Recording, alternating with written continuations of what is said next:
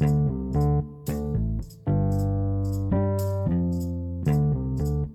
teman-teman semuanya, apa kabar? Kembali ke podcast History bersama gue Bill Rich. Jadi beberapa waktu yang lalu, tepatnya pada 24 Juni 2020, salah satu YouTuber besar di Indonesia, yaitu Skinny Indonesian 24, memutuskan bahwa ini akan menjadi tahun terakhir mereka di YouTube. Di video itu, mereka menjelaskan perjalanan mereka selama 10 tahun di platform video yang dimiliki oleh Google tersebut. Berawal dari orang biasa yang gak memiliki suara hingga menjadi pribadi yang memiliki influence ke banyak orang subscriber dari Skinny Indonesian 24 sendiri udah berjumlah 2 juta lebih. Dan itu merupakan sebuah indikator bahwa mereka sangat dinanti oleh para penggemarnya. Lebih lanjut, mereka juga menceritakan keresahan mereka bahwa YouTube sekarang itu tidak seperti YouTube yang dulu. Sekarang ini banyak fenomena artis TV masuk ke YouTube. Mereka bahkan sudah menguasai sebagian besar kolom trending di YouTube, teman-teman.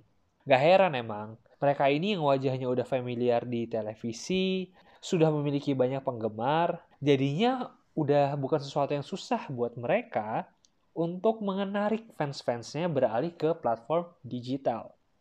Selain itu juga, tingkat kematangan teknologi itu juga mempengaruhi jumlah pengguna YouTube, yang bisa dibilang itu semakin besar dari hari ke hari. Coba kita kembali gitu ya teman-teman, kita ingat lagi 5-10 tahun yang lalu, harga smartphone dan penyedia layanan internet murah di Indonesia mungkin tidak sebanyak sekarang. Dulu tuh mungkin smartphone mungkin sekitar 2 juta, 3 juta, atau bahkan layanan provider aja teman-teman ya. Dulu inget banget, zaman dulu tuh masih belum ada yang bahkan bisa beli harian, bahkan bisa beli kuota aplikasi YouTube, atau misalkan kuota aplikasi gaming. Itu masih produk yang benar-benar baru juga kan. Lalu juga kalau kita lihat tempat umum gitu ya, itu juga belum banyak gitu yang menganggap penyedia internet itu sebagai sesuatu yang mutlak habit orang-orang pada 5-10 tahun lalu tuh juga nggak seperti yang masa sebelum COVID itu, di mana orang-orang sering banget hangout ke coffee shop untuk buka laptop, untuk buka HP, mengakses internet gitu. Dan mereka itu benar-benar menghabiskan waktunya lama untuk hangout di cafe menggunakan internet. Berdasarkan data yang gue dapet juga, kalau ternyata orang-orang banyak akses YouTube tuh di WiFi, termasuk gue juga sih. Nah, didorong oleh tadi ya dua faktor pendukung tersebut, Emang gak heran banget jumlah pengguna YouTube itu semakin bertambah tiap tahunnya. Bareng juga paralel dengan bertambahnya pengguna internet di Indonesia. Berdasarkan e-economy report yang dirilis oleh Google, Temasek, dan BNN Company, bahwa pengguna internet di Indonesia itu berjumlah 92 juta di tahun 2015. Dan di tahun 2019 kemarin itu naiknya signifikan banget ke 152 juta orang. Naiknya gede banget ya, udah hampir 60% bahkan lebih. Nah, migrasi inilah yang kemudian perlahan-lahan mengubah YouTube.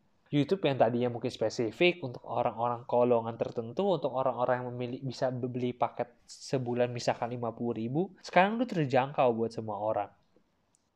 Dan dapat teman-teman lihat sekarang kalau di kolom trending, itu kontennya itu tidak berbeda jauh dengan konten-konten yang ada di televisi secara tema gitu ya. Mungkin ngeprank, atau mungkin pamer kemewahan, atau misalkan rumah tangganya ada drama. Gitu. Akhirnya, YouTuber-YouTuber lama ini termasuk Ski Indonesia 24 merasa tersaingi dan tidak dihargai oleh YouTube. Konten yang mereka buat dengan jerih payah tidak mendapatkan hasil yang setimpal uh, untuk detailnya teman-teman bisa langsung lihat videonya yang dirilis sama si Skinny Indonesian 24. Kalau kita lihat lebih lanjut nih, lantas salah siapa sih? Apakah salah YouTuber atau salah audience? Salah artis TV yang tiba-tiba ngambil lapak orang atau salah YouTube-nya sebagai pendiri ekosistem ini gitu. Nah, di sini gue bicara dari perspektif seorang pengiklan di dunia digital. Menurut gue, Hal ini bukan merupakan kesalahan pihak mana pun dan bahkan sangat wajar. YouTube memang merupakan media yang sangat powerful dan entah sampai kapan nih mereka akan terus menjadi penguasa di layanan video on demand. Tetapi satu hal yang menurut gue penting, bahwa dalam sebuah media itu pasti kemudian akan terbagi menjadi kelompok-kelompok atau segmen-segmen yang lebih kecil. Dari makanan hingga berita, film hingga olahraga, semua memiliki segmennya masing-masing.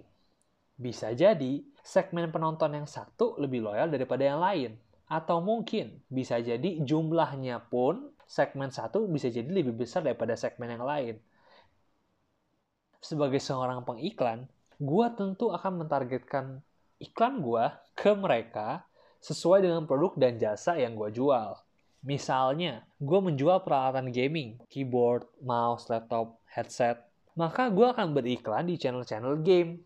Ataupun misalkan gue menjual makanan, maka gue akan berikan di channel tentang makanan gitu. Sehingga menurut gue, selama kreator memiliki diferensiasi yang membuat mereka unik dan dapat bersinar di antara para kreator lainnya, harusnya tidak akan menjadi masalah. Kita ambil contoh aja, Tan Boy Kun di channel makanan, atau juga Gadget In di channel teknologi. Mereka sangat berbeda dibanding kreator lainnya, sehingga mereka itu dapat bersinar di antara sekian banyak kreator di kategori yang sama. Selain aspek kreator, aspek audiens juga berperan penting di sini.